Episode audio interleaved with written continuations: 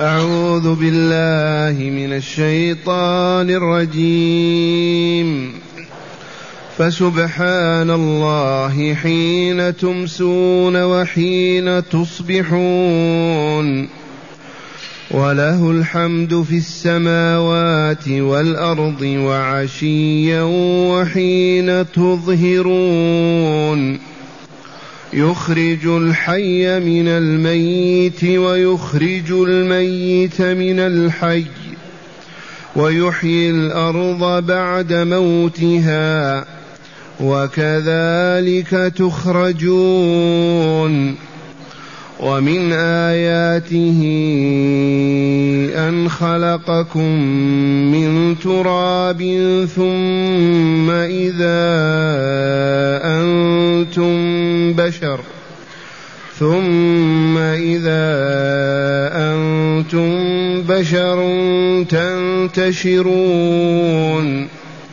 ومن آياته أن خلق لكم من أنفسكم ازواجا أن خلق لكم من أنفسكم أزواجا لتسكنوا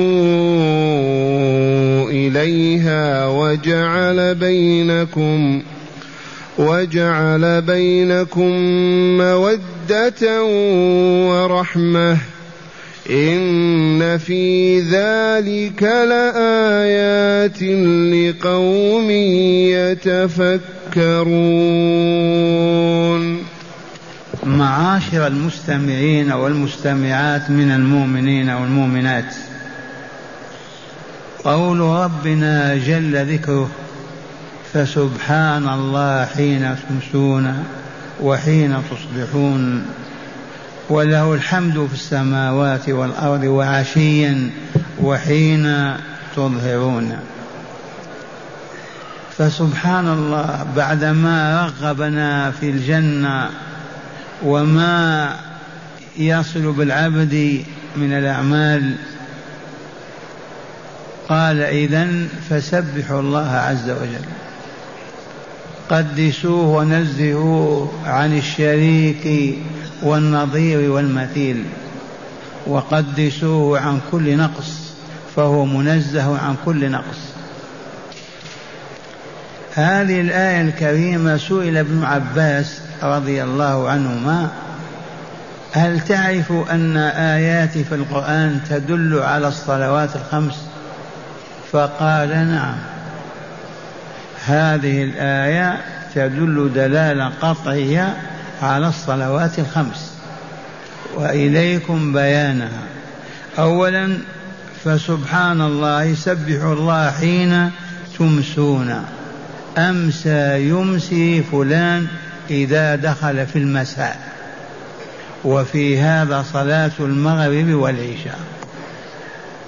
صلاة المغرب والعشاء دل عليها قوله تعالى حين تمسون أي تدخلون في المساء.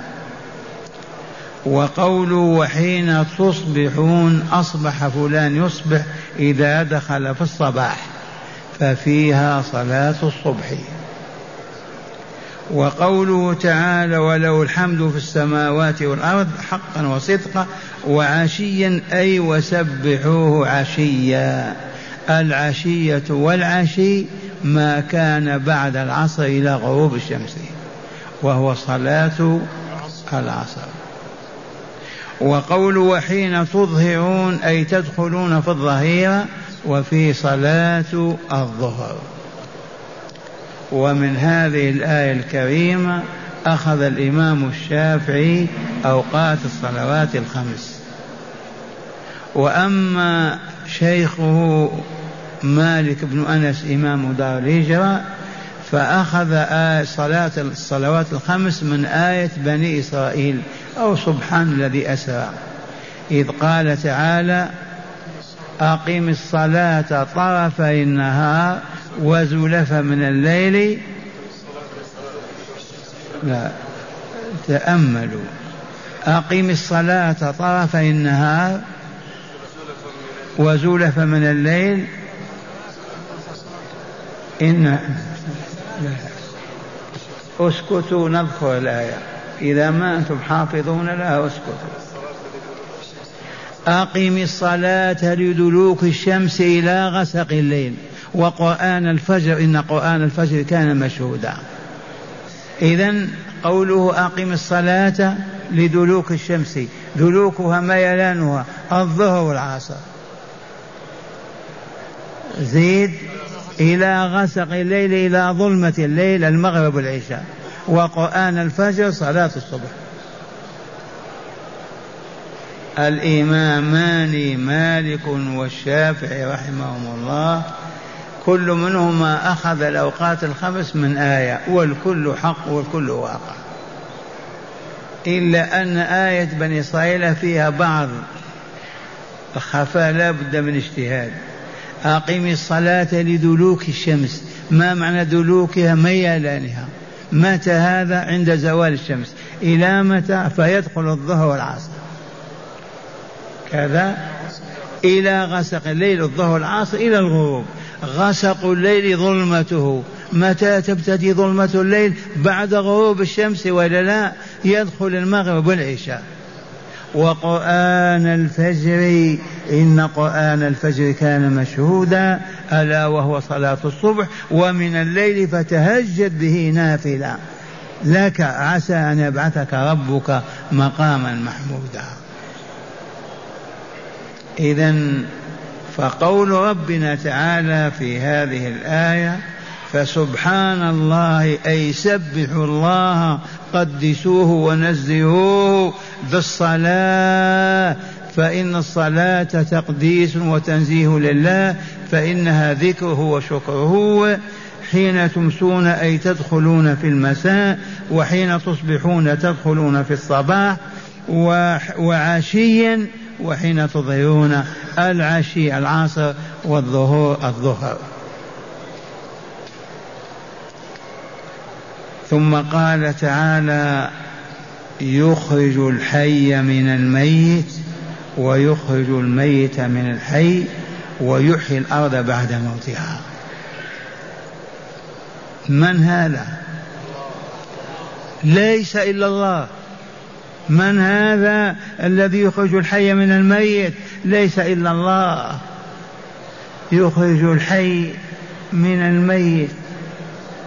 ما الحي الذي يخرج من الميت؟ المني ميت ولا لا؟ المني قطرات الميت. قطرات الميتة ولا حية؟ ميتة. باردة يابسة. يخرج منها الطفل وإلا لا؟ يخرج الحي من الميت. ويخرج الميت من الحي. والمني من أين يخرج؟ من الحي وإلا لا؟ المني الميت يخرج من الحي. والدجاجة يخرج منها البيض. البيض ميت وإلا حي. والبيضة تخرج منها الدجاجة. البيضة حية وإلا ميتة ميتة وهنا لطيفة علمية قد يقول بعض العلماء من علماء المادة يقولون المني ما هو ميت أبدا. حيوانات منوية. فنقول نحن والبيضة ميتة والحية. كيف يخرج منها الفرخة والعصفور مثلا؟ حبة حبة الشعير حبة القمح ميتة ولا حية. منها يخرج لا وإلا لا وهكذا. فلهذا كلمة الحيوان المنوي لا قيمة لها. إذ المني ميت يابس بارد ميت. تبهتم فهو ميت وإن كان حيوان أو غير حيوان. إذا من الذي يخرج الحي من الميت ويخرج الميت من الحي؟ أليس الله؟ هل يوجد غير الله يفعل هذا؟ الجواب لا. إذا فهيا بنا نقول لا إله إلا الله ونعبده بما شرع لنا من أنواع العبادات والطاعات. فنطيعه فيما أمرنا فنفعل وفيما نهانا فنترك وبذلك حققنا معنى العبودية لله وأننا عبيده. يخرج الحي من الميت ويخرج الميت من الحي ويحيي الأرض بعد موتها. الأرض, الأرض تموت تيبس وتبرد. لا شجرة ولا غصن ولا نبت ولا ولا ميت ولا لا. إذا من يحييها؟ الله. ينزل عليها ماء السماء المطر فتحيا وتزدهر وتكون فيها أنواع من النباتات والزهور. من يفعل هذا؟ عبد القادر الجيلاني عيسى بن مريم جبريل وميكائيل لا أحد. إذا فلهذا قل لا إله إلا الله ولو يغضب العالم بأسره. والله لا إله إلا الله. الذي يحيي ويميت ويخرج الحي من الميت والميت من الحي. هذا هو المعبود الحق. هذا الذي يدعى ويسأل وترفع إليه الأكف. هذا الذي يخر بين يديه ساجدين هذا هو الله رب العالمين. عرفناه بآياته وصفاته وجلاله وكماله. هكذا يعرفنا بنفسه. في كتابه. واهل الجهل معرضون عن هذا. وقوله تعالى ويحيي الأرض بعد موتها وكذلك تخرجون كهذا الذي شاهدتم ورأيتم من إخراج الميت من الحي والحي من الميت وإحياء الأرض بعد موتها. هكذا أيضا تحيون وتخرجون من الأرض. وفي هذا تقرير مبدأ البعث الآخر الدار الآخرة الحياة الثانية من أجل الجزاء على الكسب والعمل في هذه الدنيا. وكذلك تخرجون كما يخرج الميت من الحي يخرجكم من الأرض كما يحيي الأرض بعد موتها يخرجكم من الأرض بعد أن تصبحوا عظاما نخرا. ينفخ فيكم روح من جديد وتحيون وتعودون أحياء وتساقون إلى ساحة فصل القضاء. قولوا آمنا بالله وباليوم الآخر. آمنا بالله ولقائه. ونعلم أن الذين لا يؤمنون بالله لا خير فيهم أبدا. والذين لا يؤمنون بالبعث الآخر لا يرجى منهم خير أبدا ولا يوثق فيهم ولا يعول عليهم ولا حتى ينظر إليهم لأنهم شر الخلق. الذي يفقد عقيدة لا إله إلا الله محمد رسول الله والبعث الآخر شر البرية. أما قال تعالى ما سمعتم صلاة المغرب؟ أولئك هم شر البريئة. من هؤلاء الذين كفروا من أهل الكتاب والمشركين؟ شر البرية والبرية والبريئة بمعنى المخلوقة. من برأ إذا خلق. ثم قال تعالى أيضا ومن آياته أي علامات وجوده وقدرته وعلمه وحكمته ورحمته المستوجبه لألوهيته لعبادته وحده دون من سواه من تلك الآيات وما أعظمها وما أكثرها أن خلقكم من تراب ثم إذا أنتم بشر تنتشرون في الأرض. ذكرنا بأصل خلقتنا ذكرنا بآدم وحواء. هل كان آدم موجودا قبل أن يوجده الله؟ الجواب لا. من خلق آدم؟ الله. من أين خلقه من أية مادة؟ من اللحم والعظام أو من ماذا؟ من التراب. أما حواء فقد قال اخرجي من ضلعه الأيسر فخرجت العروس إلى جنب آدم بكلمة كوني فكانت. خلقكم من تراب أي خلق أباكم آدم من تراب فإذا أنتم بشر تنتشرون في الأرض وتملؤون أصقاعا في الشرق والغرب والشمال والجنوب ولطيفة أخرى أيضا أنشأنا من الأرض لأن المني سببه الطعام والشراب وإلا كيف يكون؟ والطعام ليس نبات في الأرض من الزرع وغير ذلك. أليس ذلك من التراب؟ بلى إذا نحن من التراب مخلوقون. آدم ونحن أيضا. والكل واسع. ومن آياته أي علاماته الدالة على أنه موجود وأنه رب العالمين وأنه لا إله إلا هو وأنه الحكيم العليم واللطيف الخبير ذو الصفات العلى والأسماء الحسنى. من آياته ذات أن خلقكم أي خلقكم من تراب ثم إذا أنتم بشر تنتشرون هنا وهناك في الأرض. عجبا لمن يكفر بالله. عجبا لمن يشرك بالله. عجبا لمن لا يحب الله. عجبا لمن لا يخاف الله. هذا الذي ينعم هذا الذي يتفضل هذا الذي يعطي هذا هذا لا يحب.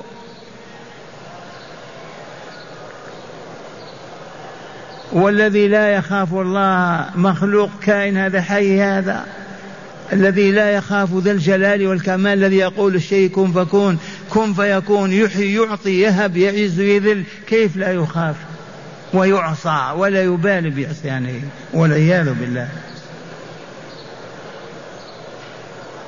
وقوله تعالى أيضا ومن آياته علاماته الدالة على وجوده وعلى ربوبيته وألوهيته وعلى أسماء الحسنى وصفاته العلى وعلى أنه رب العالمين وولي المؤمنين ومتولي الصالحين وقل ما شئت من صفات الجلال والكمال من آياته تلك أن خلقكم أن خلق لكم من أنفسكم أزواجا.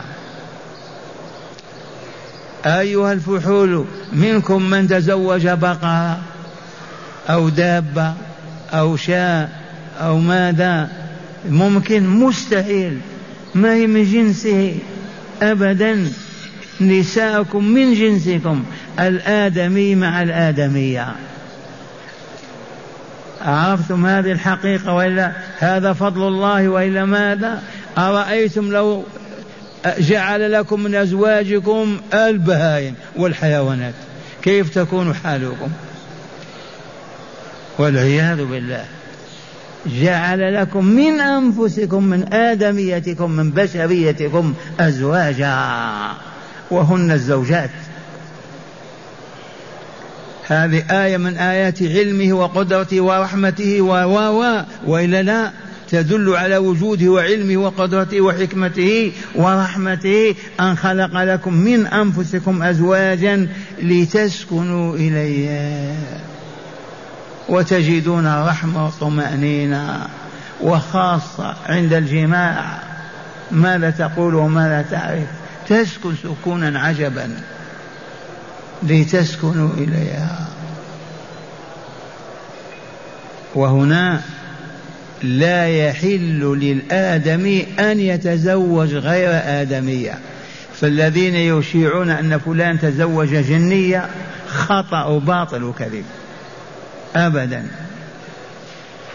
لا يتم الزواج إلا من الجنس. البعير مع الناقة والفرس مع الحصان والشاة مع الكبش وهكذا والدجاجة مع الديك.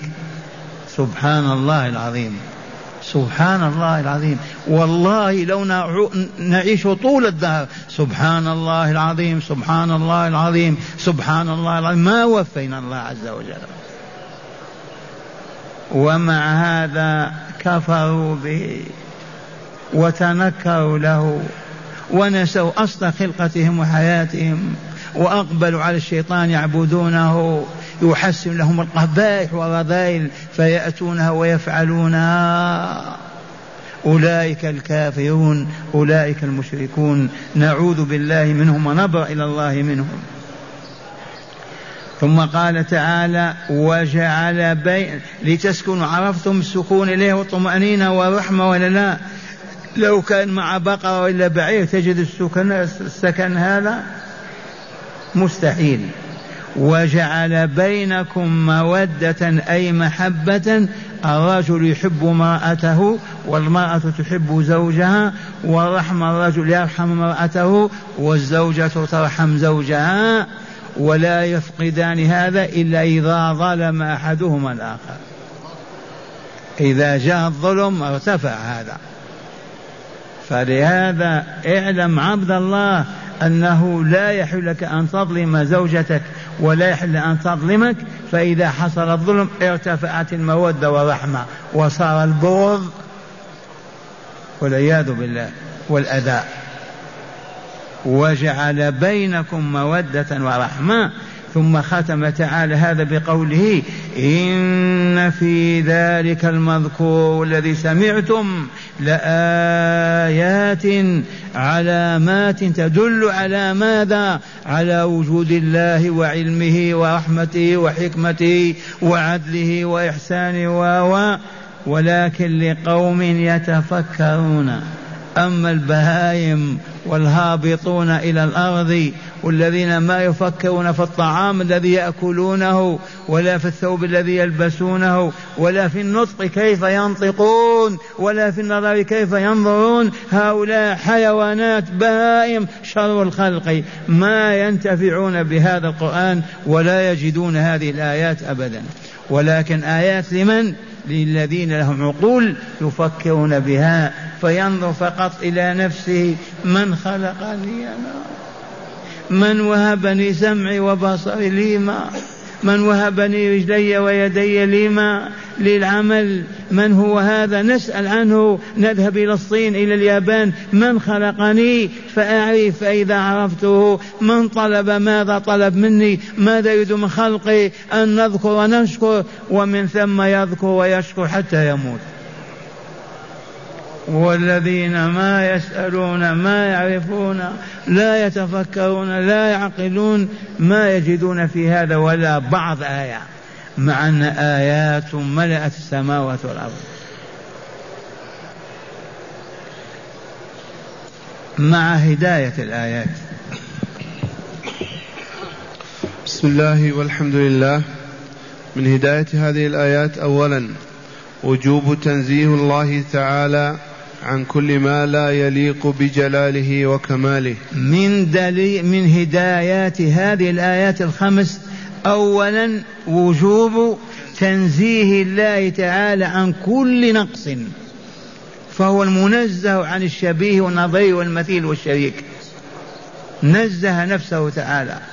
ولذا قال سبحان الله فنزه الله أنتم عن كل ما لا يليق بجلاله وكماله. وتكرر وكرروا كلمة سبحان الله. وأقيموا الصلاة فإن المقيم للصلاة ذاكر لله شاكر لله منزه لله تعالى. نعم. ثانيا وجوب حمد الله على آلائه وإنعامه. وجوب حمد الله وشكره على آلائه وإنعامه وإفضاله. يا عباد الله يا أولياء الله يا أمة الحمد عيشوا على ما أنتم عليه. إذا شربت قول الحمد لله إذا أكلت قول الحمد لله إذا ركبت قول الحمد لله إذا نزلت قول الحمد لله إذا نمت الحمد لله إذا استيقظت الحمد لله إذا سئلت عن حالك قول الحمد لله. ولهذا سمانا الله في الكتب السابقة بالحمادين. أمة الحمد نحن. ولكن إخوانكم الجهل الضلال التائهون في الدنيا يأكل ويشرب ولا يقول الحمد لله. أبدا.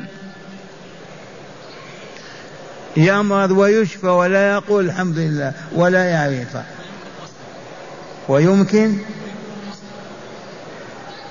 كيف؟ والله ما أسلم. فين مسلم أعطى لله ماذا؟ كذب. المسلم الذي أسلم قلبه وجوارحه لله الذي ما أعطى الله لا لسان ولا عين كيف مسلم؟ دعوة باطلة كلمة مسلم كذب. المسلم من هذا المسلم؟ أبيض وإلا أسود؟ الذي أسلم بمعنى أعطى لله قلبه فلا يتقلب قلبه إلا في رضا الله وأسلم جوارحه لله فلا يمشي خطوة إلا لله ولا ينام ساعة إلا لله. ذلكم المسلم. أما الذي يقول أنا أسلمت هو ما أعطى كذاب منافق. نعم. ثالثا وجوب إقام الصلاة. من هداية هذه الآيات وجوب إقام الصلاة قد بين لنا أوقاتها ولا لا. فسبحان الله حين تمسون وحين تصبحون وعشيا وحين تظهرون وضع أيدينا على أوقاتها فقط لنعلمها ولنقيمها لنقيم الصلاة فيها. نعم. رابعا بيان أوقات الصلوات الخمس. بيان أوقات الصلوات الخمس عرفتموها ولا لا؟ هذه الآية سئل ابن عباس هل ذكر الله تعالى أوقات الصلاة الخمس في القرآن؟ قال نعم. ثم قال عليهم هذه الآية. فهمتم هذا ولا لا؟ هذه الآية دالة على الصلوات الخمس وأوقاتها. وآية بني إسرائيل كذلك. نعم. خامسا بيان مظاهر قدرة الله تعالى وعلمه ورحمته المقتضية لتوحيده والمقررة لعقيدة البعث والجزاء. مظاهر قدرة الله وعلمه وحكمته. هذه الآيات الكونية من الخلق والإيجاد من السماء الأرض من من الإحياء من الإمات دي كلها تدل على أنه لا إله إلا الله ويجب أن نعبد الله وأن نعيش على ذكره وطاعته حتى نلقاه.